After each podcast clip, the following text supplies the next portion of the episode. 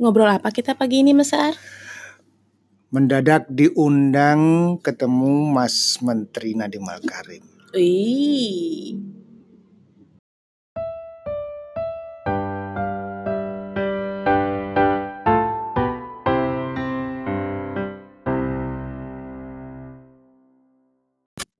Jadi gimana itu ceritanya Mas Ar? Kenapa tiba-tiba diundang? Kita kan ke untung diundangnya pas kita lagi di Jakarta. Iya. Nggak tahu juga ya. Jadi eh, hari apa ya hari Kamis ya. Hari Kamis tiba-tiba ada WhatsApp masuk gitu ya. Hmm. Nah, WhatsApp masuk apakah benar ini nomornya Pak Aar Sumardiono gitu. Benar. Oh, saya dari Kemdikbud. Terus langsung kirim undangan gitu. Terus langsung stres. langsung tegang. Kenapa langsung stres? Eh ya mengacaukan agenda aja gitu.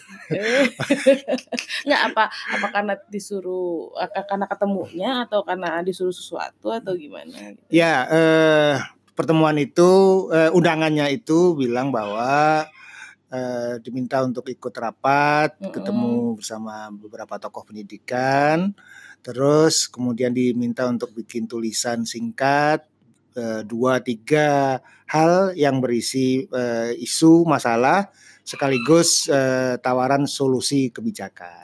Oh, jadi ini undangan serius ya. Untung kamu yang diundang bukan aku. ya ini nggak tahu juga nih eh kenapa diundang padahal kan eh, aku juga nggak punya follower bukan siapa-siapa hanya orang tua praktisi homeschooling aja gitu kan Oh ya, berarti beruntung lah ya kemarin Ya, ketemu dengan ya. uh, ahli-ahli pendidikan. Alhamdulillah mendapat kehormatan ketemu juga sekaligus jadi sarana belajar sih kalau buat aku ketemu Hmm. Para senior teman-teman Siapa aja lama kemarin gitu. ketemu siapa aja kemarin tuh? banyak sih gitu ya ketemu Mbak Ella Ella Sihab itu Mbak Ella itu penggerak eh, apa komunitas guru belajar gitu kan sekaligus foundernya sekolah Cikal ada Bu Elin Han ada Taifa Misbah gitu ya penggerak eh, Jabar Masagi gitu ya kemudian ada Pak Daniel Roshid Pak Daniel Roshid ini teman lama beliau eh, Profesor Daniel Roshid eh, profesor eh, guru besar di Universitas eh, Institut eh, Teknologi 10 November Surabaya Hmm. salah satu apa sponsor penggerak eh, itu selalu mengangkat isu tentang unschooling. ya, Ah. Jadi problem besar ma- eh, masalah pendidikan itu adalah karena sistem persekolahan. Itu itu selalu mm. jadi tesisnya Pak Daniel Roshid sehingga beliau selalu mendorong untuk kebijakan yang berpihak ke masyarakat, ke keluarga dan seterusnya. Ada juga Mas Bahrudin, Korea. Toyibah, Salatiga, Mm-mm. kemudian eh, siapa lagi ya? ada oh Bu Heni Supolo ya kemarin ketemu Bu Heni ya Salim sama Bu Heni senior gitu ya ada Bu Ice juga juga Bu Ice senior. Bu Ice Khadijah juga Pak Satria Dharma eh, penggerak literasi yang beliau juga tinggal di Surabaya Oh. banyak lah yang lain-lain juga eh, seru gitu ya Oh mantap. Ya. Jadi, jadi gimana kesan kamu kemarin tuh Mm-mm. ketemu dengan para eh, apa istilahnya ya apa para para pejuang pendidikan Indonesia gitu.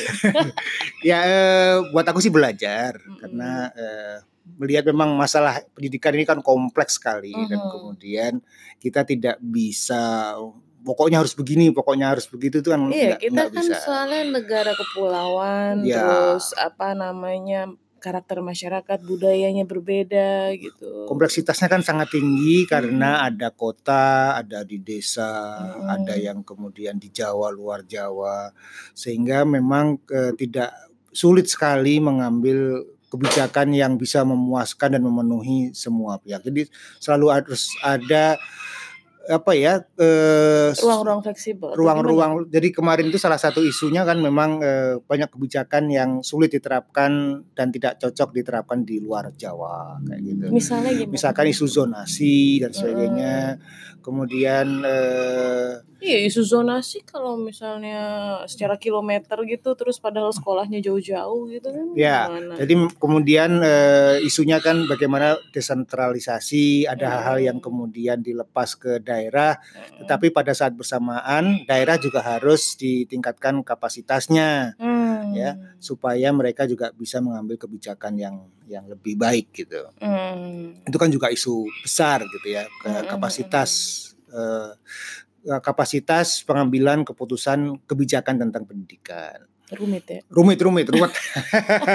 Ya, aku sih lebih banyak mendengarkan dan ya tentu saja diskusi ngobrol-ngobrol dengan yang lainnya, juga dengan tim. Mhm. Kalau tentang Pak Menterinya sendiri sih, eee, kesan Mhm. Besarnya adalah beliau sangat positif gitu ya, Gitu ya? cerdas lah. Ada harapan ya? Harapan harapan ya, eee, harapan dan Harapan perubahan gitu ya? Karena Ya, anak muda, Progresif. cerdas, mau mendengarkan, mau belajar, tetapi pada saat bersamaan tidak mau menerima begitu saja gitu ya. Jadi salah Mmm. satu hal yang menarik dari proses kemarin itu kan beliau selalu melakukan probing gitu ya. Jadi awalnya Gimana? diskusinya itu, Mhm. eee, gantian gitu ya, Mhm. se seorang bicara tapi kemudian di tengah proses itu, eee, beliau ada satu sebuah isu terus kemudian beliau bertanya mempertajam, terus kemudian, eee, meminta pendapat yang lainnya, akhirnya Mhm. diskusinya menjadi tematik. Bagus Ya, dong. bagus bagus. Jadi lebih tajam Lumay gitu ya? lebih tajam, mendalam, walaupun salah satu konsekuensinya kan tidak banyak isu yang dibahas. Iya Ja iya jadi iya karena iya. waktunya sangat terbatas, nggak sampai 2 jam ya, 2 jam dan Mhm. kemudian, eee, ada sekitar 40 tokoh yang yang diundang gitu. Mhm. Itu datang Mhm. semua kelihatannya? Enggak enggak semua. Jadi Oke. ada beberapa yang teman-teman yang saya tahu yang berhalangan hadir gitu. Mmm, oke. Heeh. terus? Itu yang yang yang menarik dari kesan pertama kemarin. Mhm Diskusinya positif, timnya juga, eee, sangat terbuka. Kemarin Pak Iwan Syahril satu Mhm. timnya yang kemudian, se membuka diri bahwa ya memang kita lagi mau bikin ekosistem pendidikan karena Oke. memang tidak mungkinlah pemerintah jalan sendiri ya Mhm. dan kemudian butuh banyak kontribusi, kerja rame-rame, kerja gotong royong gitu ya. Mhm. Isu ini sih memang isu selalu ya, selalu bersama sejak dulu, tapi memang butuh butuh eksekusi gitu ya. Iya, nggak Heeh. cuma Mmm, ditampung gitu ya? iya, nggak cuma ditampung, nggak cuma kelihatan indah, formalitas dan sebagainya, tapi juga, eee, perlu dieksekusi gitu. Dan aku lihat sih kan beliau lahir dan merek beliau kan latar belakangnya bisnis dan bisnis itu Mhm. kan selalu Tentang tentang eksekusi. eksekusi gitu ya, Iya, bukan hanya oh. tentang gagasan. Iya. Makanya ketika, eee, diskusi itu salah satu pesan yang menarik disampaikan oleh Mas Nadiem itu adalah, eee, udahlah kita jangan diskusi, jangan kita sudah tahu masalahnya apa gitu ya, banyak masalah-masalah yang sudah diidentifikasi. Mhm. Yang saya butuhkan dari, eee, teman-teman gitu ya, itu adalah, eee, tawaran solusi. Jadi Mhm. solusinya apa ini gitu ya. Terus kalau kemudian, eee, ada aturan yang bermasalah ya ta berikan tawaran, a Alternatif. alternatifnya seperti apa kebijakannya gitu. Jangan Mmm. hanya spot on the problem gitu ya, Jangan hanya keluh kesah. keluh heeh heeh. Itu yang kemudian, eee, menurut aku sih, eee, tajam ya gitu ya. Mmm. Dan kemudian, eee, mau action. Kuncinya sih, eee, beliau mendengarkan dan tapi juga itu, juga, eee, kritis terhadap apa-apa yang disampaikan. Kenapa begini, bagaimana pendapat Bapak yang lain? Jadi terus di diadu menjadi sebuah, eee, diskusi yang tajam. Walaupun dengan, eee, kehadiran 40 orang itu kan formatnya agak susah untuk diskusi yang yang mendalam gitu, tapi lumayan kok kemarin itunya. Mmm. Heeh. So far ini mungkin adalah undangan yang paling Mas Aruf merasa puas gitu atau gimana? Kan sudah iya. beberapa kali kan, cuma maksudnya yang ini gimana? Ya, ini ini problem personal ya, saya selalu skeptik dengan pemerintah gitu, dengan negara. Eh, Ya, ini dulu ya, kita. betul.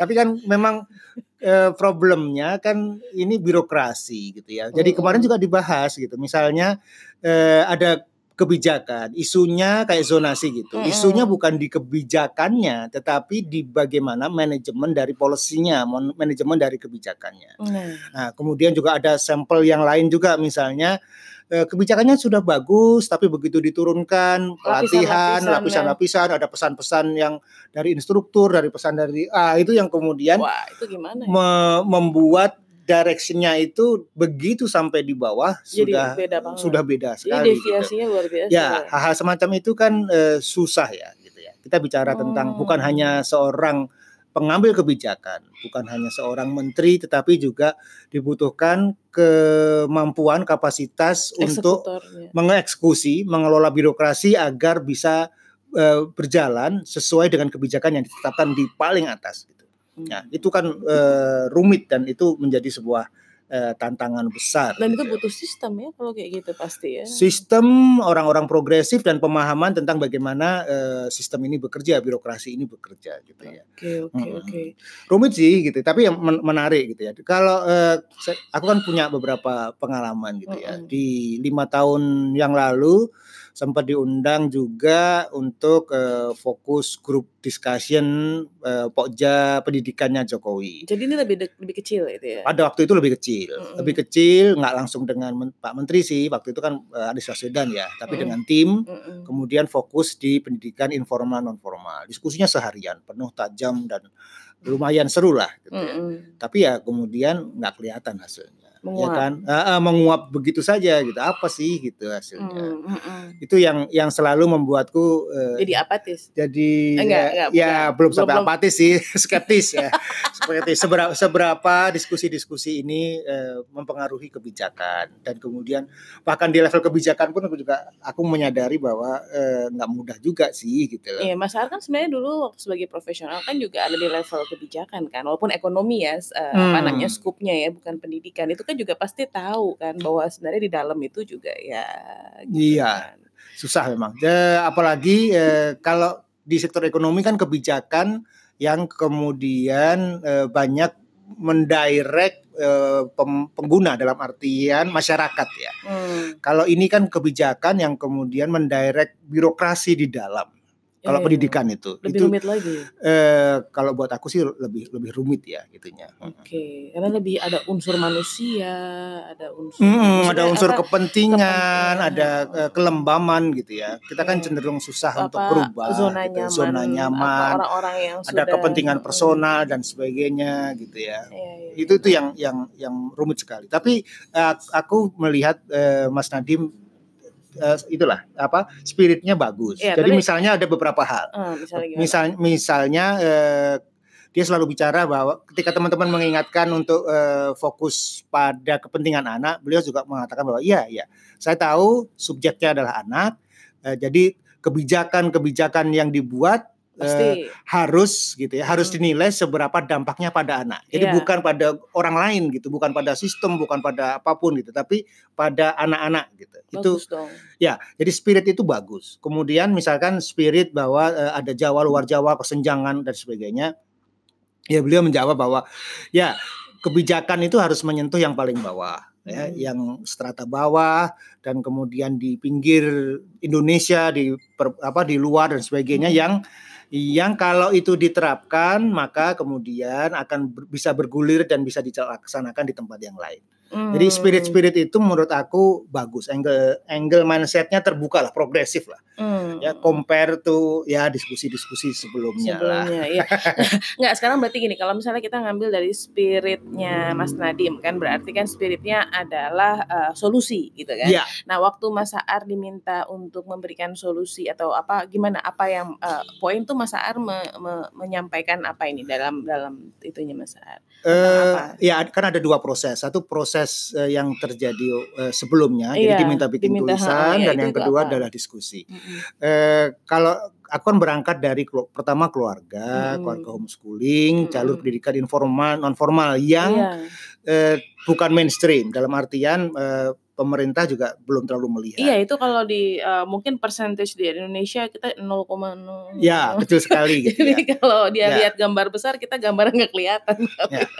Dan, tapi justru di situ kesempatannya, Mm-mm. sehingga di, di, di tulisan yang aku buat eh, saran kebijakan yang aku buat eh, untuk eh, Kemdikbud untuk Mas Menteri itu adalah untuk melihat eh, jalur pendidikan informal dan non formal ini sebagai sebuah peluang, Mhm. peluang inovasi pendidikan. Oke. Karena kan eh, less political, jadi eh, kalau kita kebijakan di sektor formal sekolah itu sedikit aja kan hebohnya itu nggak Iya, karu-karuan karena gitu ya. elemennya banyak. karena Ada elemennya nggak banyak cuma murid ya kan pasti ada guru, Iya. guru ada apa lagi, ada apa lagi. yang gitu. terdampak itu kan banyak Iya, sekali betul. gitu ya.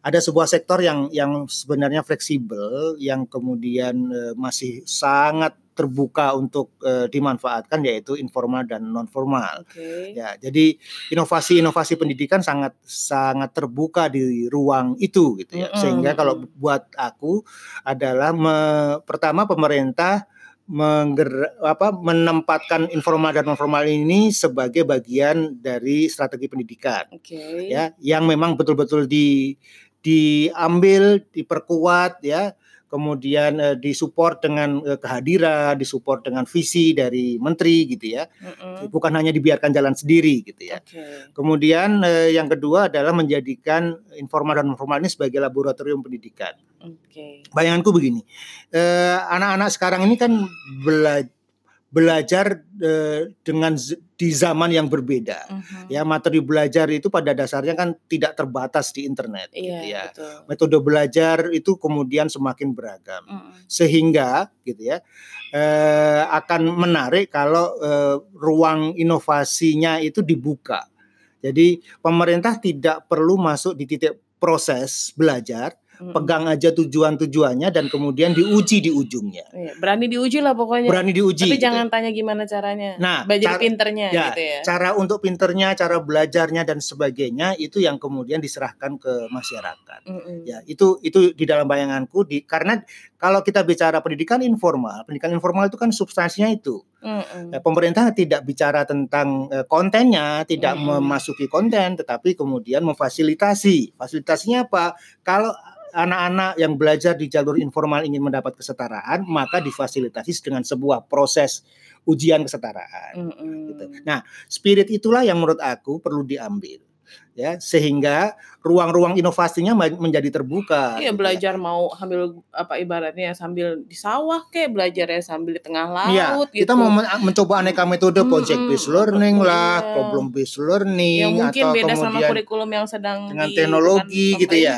gitu kan ya harusnya nggak apa-apa kan yang Ya. penting pemerintah tes aja berhasil nggak anaknya kemudian menjadi eh, sesuai sesuai sama dengan harapan harapannya. kualitas Mm-mm, pendidikan. mm-mm. Jadi bikin aja ting- tinggal sebuah standar, tinggal Mm-mm. bikin kemudian kerangka assessmentnya Mm-mm, seperti mm-mm. apa sih yang yang bisa memetakan, bisa menilai kualitas dari hasil pembelajaran. Iya, itu. pemerintah bikin aja yang penting-penting misalnya kayak eh, apa seberapa tahu dia tentang Indonesia. Itu kan Ya, kalau justru kalau- hal ya, seperti itu dalam kan, konteks negara, Mm-mm. salah satu fungsi dari sekolah dan pendidikan ini kan sebagai sarana indoktrinasi gitu. Mm-mm. untuk kesatuan kebersamaan. Iya, itu Sehingga, aja ya, kan. Yang yang harus itu kan harus dijaga adalah bahasa. Iya.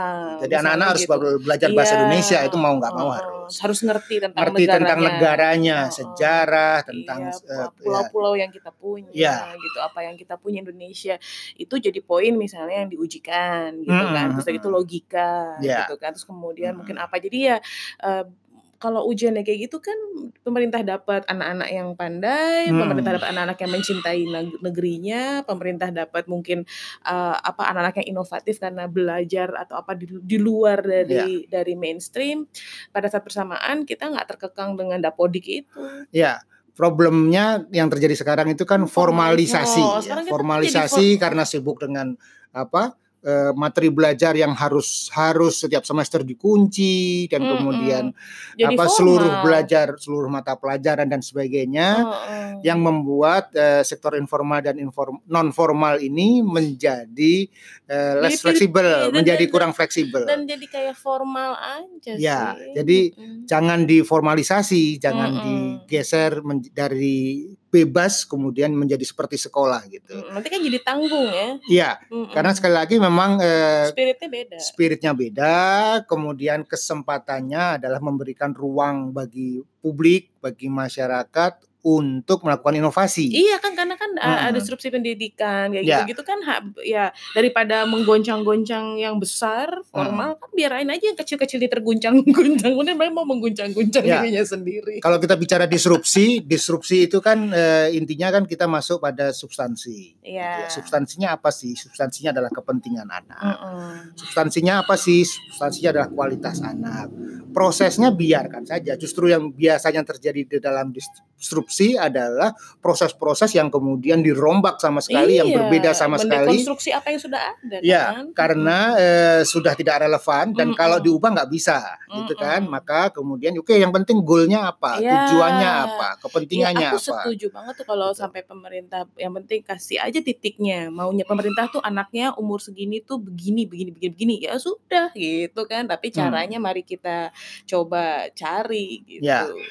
Ya, sebetulnya ini juga bukan hal yang asing sekali karena misalnya kalau kita bicara sistem test center dan sebagainya itu kan ada Cambridge Examination Iya, Center heeh. yang, dan di eh, Indonesia udah ada lagi kan? ada kurikulumnya, Oh. kurikulumnya ada panduannya dan Oh. sebagainya, tetapi proses belajarnya kan di- Dilepaskan. dilepaskan. Artinya bisa belajar melalui sistem persekolahan, tetapi juga bisa eh, private candidate gitu, Hmm. anak-anak yang belajar mandiri dan sebagainya tetap bisa ikut ujian gitu Iya, ya. jadi Karena pemerintah syaratnya bukan syarat administratif. Iya, gitu. jadi maksudnya, maksudnya ini pun juga bukan ide yang mengada-ada, juga Hmm. bukan sesuatu hal yang yang aneh gitu ya. Bahkan di Hmm. Indonesia juga sudah ada kan, maksudnya perwakilannya. Jadi kalau misalnya pemerintah mau ngelihat-ngelihat kayak apa sih? eh, Ya, kalau dari sisi itu sih eh, aku percaya lah para ahli mereka punya ahli-ahli yang yang Nah, tahu. iya gitu ya. apalagi ini maksudnya ini bukan kita bukan kayak minta sesuatu tuh bukan minta sesuatu yang yang Ya, aneh gitu. ke, ya aku sih tidak melihat kita minta ya dalam artian eh,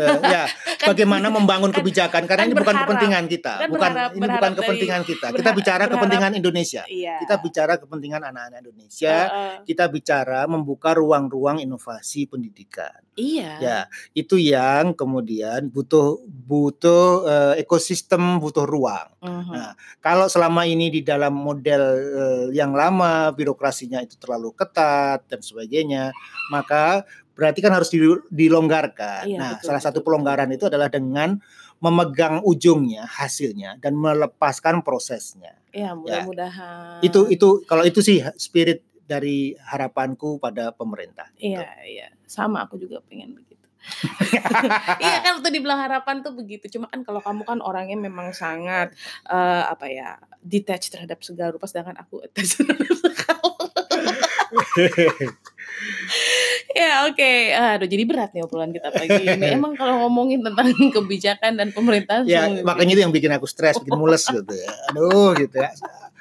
Aku sedang menikmati dan sangat menikmati kegiatan yang langsung berdampak lah dengan anak-anak ya, dengan Tapi siapa tahu komunitas. langsung berdampak juga tiba-tiba. Ya silahkan lah kalau mau dieksekusi gitu. Iya. aku melepaskan diri Iya. dari proses itu karena yang penting gagasannya Iya. disampaikan, kepentingannya disampaikan gitu. Ya karena Gitu. kalau misalnya ada kata kepentingan ini eh apa gagasan ini eh, bisa dieksekusi atau apa itu kan kemudian aku membayangkan anak-anak yang ada di ujung-ujung pulau yang lain gitu dan kemudian mereka cuma dapat yang penting ketika ini terus mereka mau belajar dari apa itu kan Ya. akan jadi asik banget Karena ad- gitu. tetap akan ada PR besar yang lain, yaitu kapasitas, kapasitas orang tua, kapasitas komunitas dan sebagainya yang harus dikuatkan juga. Karena Hmm. kalau dibebaskan saja juga mereka nggak bisa, mereka nggak tahu kan juga nggak nggak jalan juga. ya tapi Eh, kita siapa tahu Ya, no no, kebijakan nggak boleh siapa tahu. Kebijakan harus menghitung ya apa ini implikasinya. ini ini bedanya orang orang orang yang memang mengerti kebijakan sama orang masyarakat kayak kayak gini nih aku kan emak-emak emak-emak yang cuma Iya. kenapa nggak bisa begini gitu kan kita mikirnya gitu mas kamu Iya. sama orang orang yang biasa ngomongin kebijakan ya pasti eh, lebih lebih luas lah lihat ya, jadi eh, berarti kan harus ada ada kapasitas yang harus ditingkatkan dan Mm-mm. kemudian eh, cuma memang menggunakan cara-cara yang berbeda dengan sebelumnya. iya iya iya, menarik menarik Yang menarik juga kemarin sih di sesi terakhir itu ada ada Taifa. Taifa mengangkat satu isu yang kelihatannya sederhana tapi eh, menurut aku sih serius Apa untuk itu? untuk itu. Jadi beliau mengatakan Pak Menteri, Mas Menteri coba dilihat lagi itu ada sekian ribu peraturan menteri tentang pendidikan yang eh, sering menjadi hal yang menghambat di lapangan karena Hmm. para guru, para pengambil keputusan di lapangan itu takut melanggar itu eh, karena itu sudah ditetapkan gitu. Padahal itu itu mungkin sudah tidak sesuai spiritnya dengan dengan zaman dan sebagainya. Jadi dilihat lagi, di disimak, disisir lagi dan kemudian di dia dibuat disesuaikan lah gitu. ya sebenarnya kalau itu aja dirapiin juga lumayan ya. Nah, itu kan hal yang fundamental yang Ah. eh, sangat bisa dilakukan oleh eh, Mas Menteri bersama dengan timnya. Iya karena barangnya udah ada, mereka cuma Mm-mm. perlu lihat lagi, terus Mm-mm. nanti disesuaikan dengan zamannya,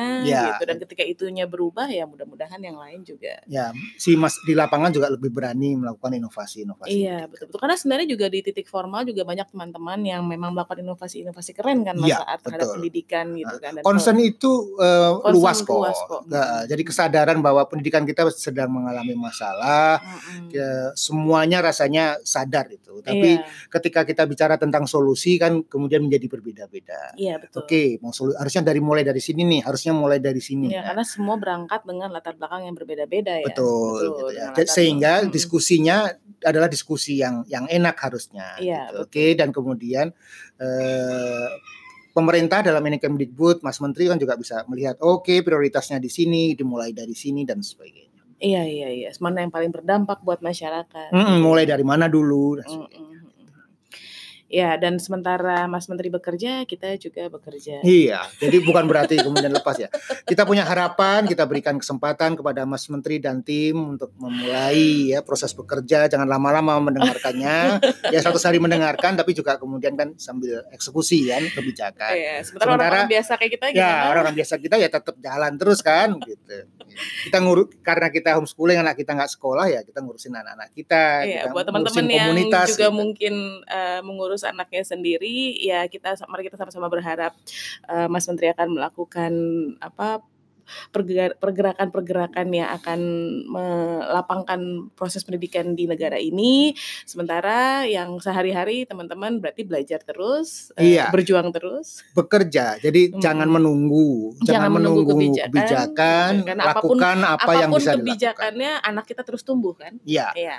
jadi lakukan apa yang tetap Bisa bisa, dilakukan. dilakukan berkaitan dengan anak-anak kita dan Mm-mm. berkaitan dengan apa pun yang menjadi aktivitas kita. Maju terus, Maju terus. bagian menjadi bagian dari solusi. Iya, menjadi bagian dari solusi. Udah stop complaining gitu ya, stop menunggu apa pun. Iya. Kita, kita lakukan apa yang harus dilakukan. Iya, nyalakan apa? Cahaya lilin gitu ya di tempat masing-masing. Ya, ini Ya. terang juga kolam Iya, gitu. Sama-sama kita untuk untuk eh, membuat Indonesia menjadi lebih baik gitu ya. Oke, teman-teman semua, sampai ketemu lagi di ngobrol bareng Rumah Inspirasi yang berikutnya. Dah.